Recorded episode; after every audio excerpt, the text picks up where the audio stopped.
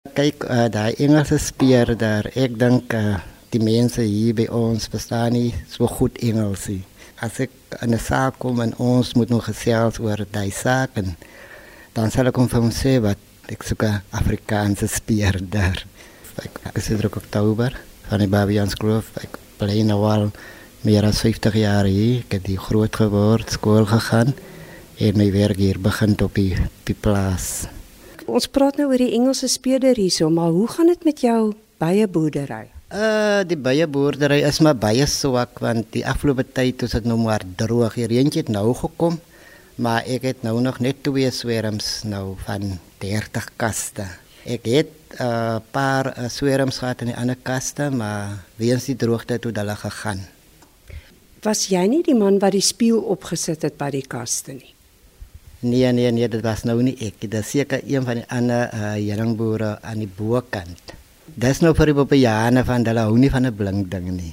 Kyk, hulle is mos geneig om die kaste om te gooi en dan doppel jy jou kaste om en dan gaan jy by. O, want hulle toe daai tyd gesê die Bobbejaan kyk in die spieël en skrik hy homself mors dood vir homself. Ja, dit is dit is want hy mos nou nie 'n mooi ding nie. Nee, hy's nou nie 'n mooi ding om homself so te sien nie. en verder hoe gaan dit hier in die Baviaanskloof? Is hier misdaad? Nou dat ons praat van die Engelse speeder, is hier misdaad? Nie eintlik reg nie. Uh, ons is baie rustig hier in die Baviaanskloof. Hmm. Ons ken mekaar baie goed en ons kom baie reg met mekaar. So uh, as 'n speeder moet uitgaan, is dit vir wat? Dit sal maar wees vir miskien 'n ou het miskien in iemand se huis ingegaan. Maar dit gebeur maar once a while. Hey. Adjutant offisier Pierre Bernardi, jy's nou die man wat hierheen uitgeroep is vir oggend. En blyk asof daar diefstal uit 'n voertuig was.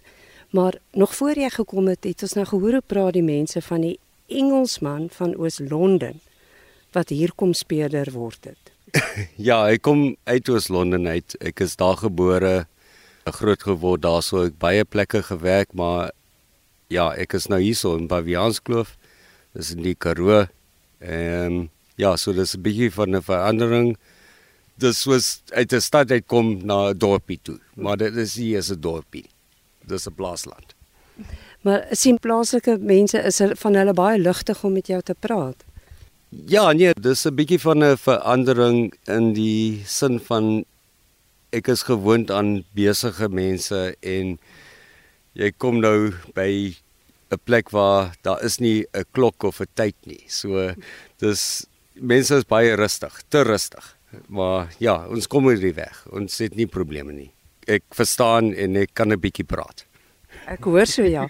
As 'n mens kom van Oos-London, 'n hawe stad in die Oos-Kaap, nou heeltemal hier na die Baviaanskloof, afgesonderde gebied, daar moet 'n baie groot verskil wees in die misdaad wat jy ondersoek. Nee, daar is. Ek is gewoond aan ernstige misdaad en hierso is dit meer domestic violence, uh gender-based violence wat ernstig is, maar dis nie elke dag se sake. Dis miskien een in 'n maand of 2 of 3. En die ander sake? Ag, die ander sake is dis meeste plaaslike mense. Dis nie moeilik nie. Die mense het samewerking. So ons sort dit gewoonlik uit tussen mekaar, maar elke saak is ernstig. 'n 100 rand se selfoon hierso is soos 'n 10000 rand se selfoon in 'n stad. En 'n misdaad is 'n misdaad. En maak nie saak hoeveel is dit nie. Ek is nou al 3 jaar hierso dat ek het nog nie 'n moordsaak gehad nie. Dit klink vir my asof jy baie vrye tyd het om 'n bietjie as gevolg van die mense wat hier so baie rustig en kalm bly. Dit klink asof jy vrye tyd het en wat doen jy? Bestudeer jy bietjie meer Afrikaans of die veld of die natuur? Wat doen jy? Toe ek hier kom toe was 'n bietjie moeilik want jy ken nie mense nie. Ek verkies om nie te veel met mense te kuier anders te raak dit 'n bietjie van 'n 'n probleem.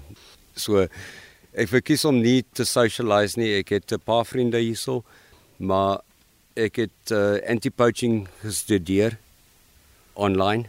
Ek is hoe kan ek sê ek is ehm um, ek hou van natuur. So ek het in die begin baie hiking gedoen, maar nou konsentreer ek meer in die kantoor. My naweke is meestens in die kantoor, nie by die huis nie. Ek bly alleen. Ek het twee honde saamgebring. Die een moes ek nou verlede maand moes ek nou uh laat klim. Laat slaap, ja. ja. Wat het gemaak dat jy van Oos-London hiernatoe gekom het van alle plekke? Ek was in 'n verhouding met 'n vrou en dit was so te sê life partners, Olive Jacobs. En sy was 2019 die 19de November sy oorlede. Sy het siekte gehad, kans kanker. En my dogter het klaar gemaak met die skool daai selfe jaar en toe doen doen ek aansoek vir die pos. Die twee van ons sou in elk geval afgetree die in die Karoo. So dit was vir my net uh, denken aan haar. Nou leef jy eintlik hier ter herinnering aan haar. Dis 'n bietjie van dit, maar hoe langer ek hier bly, hoe meer mis ek my my dogter en my ander vriende. So as jy gaan aftree is dit terug Oos-London toe glad nie. Ek wil nie terug gaan nie. ja. Nee, my dogter is nog daar, my stiefdogter, alles se dogter is nog daar.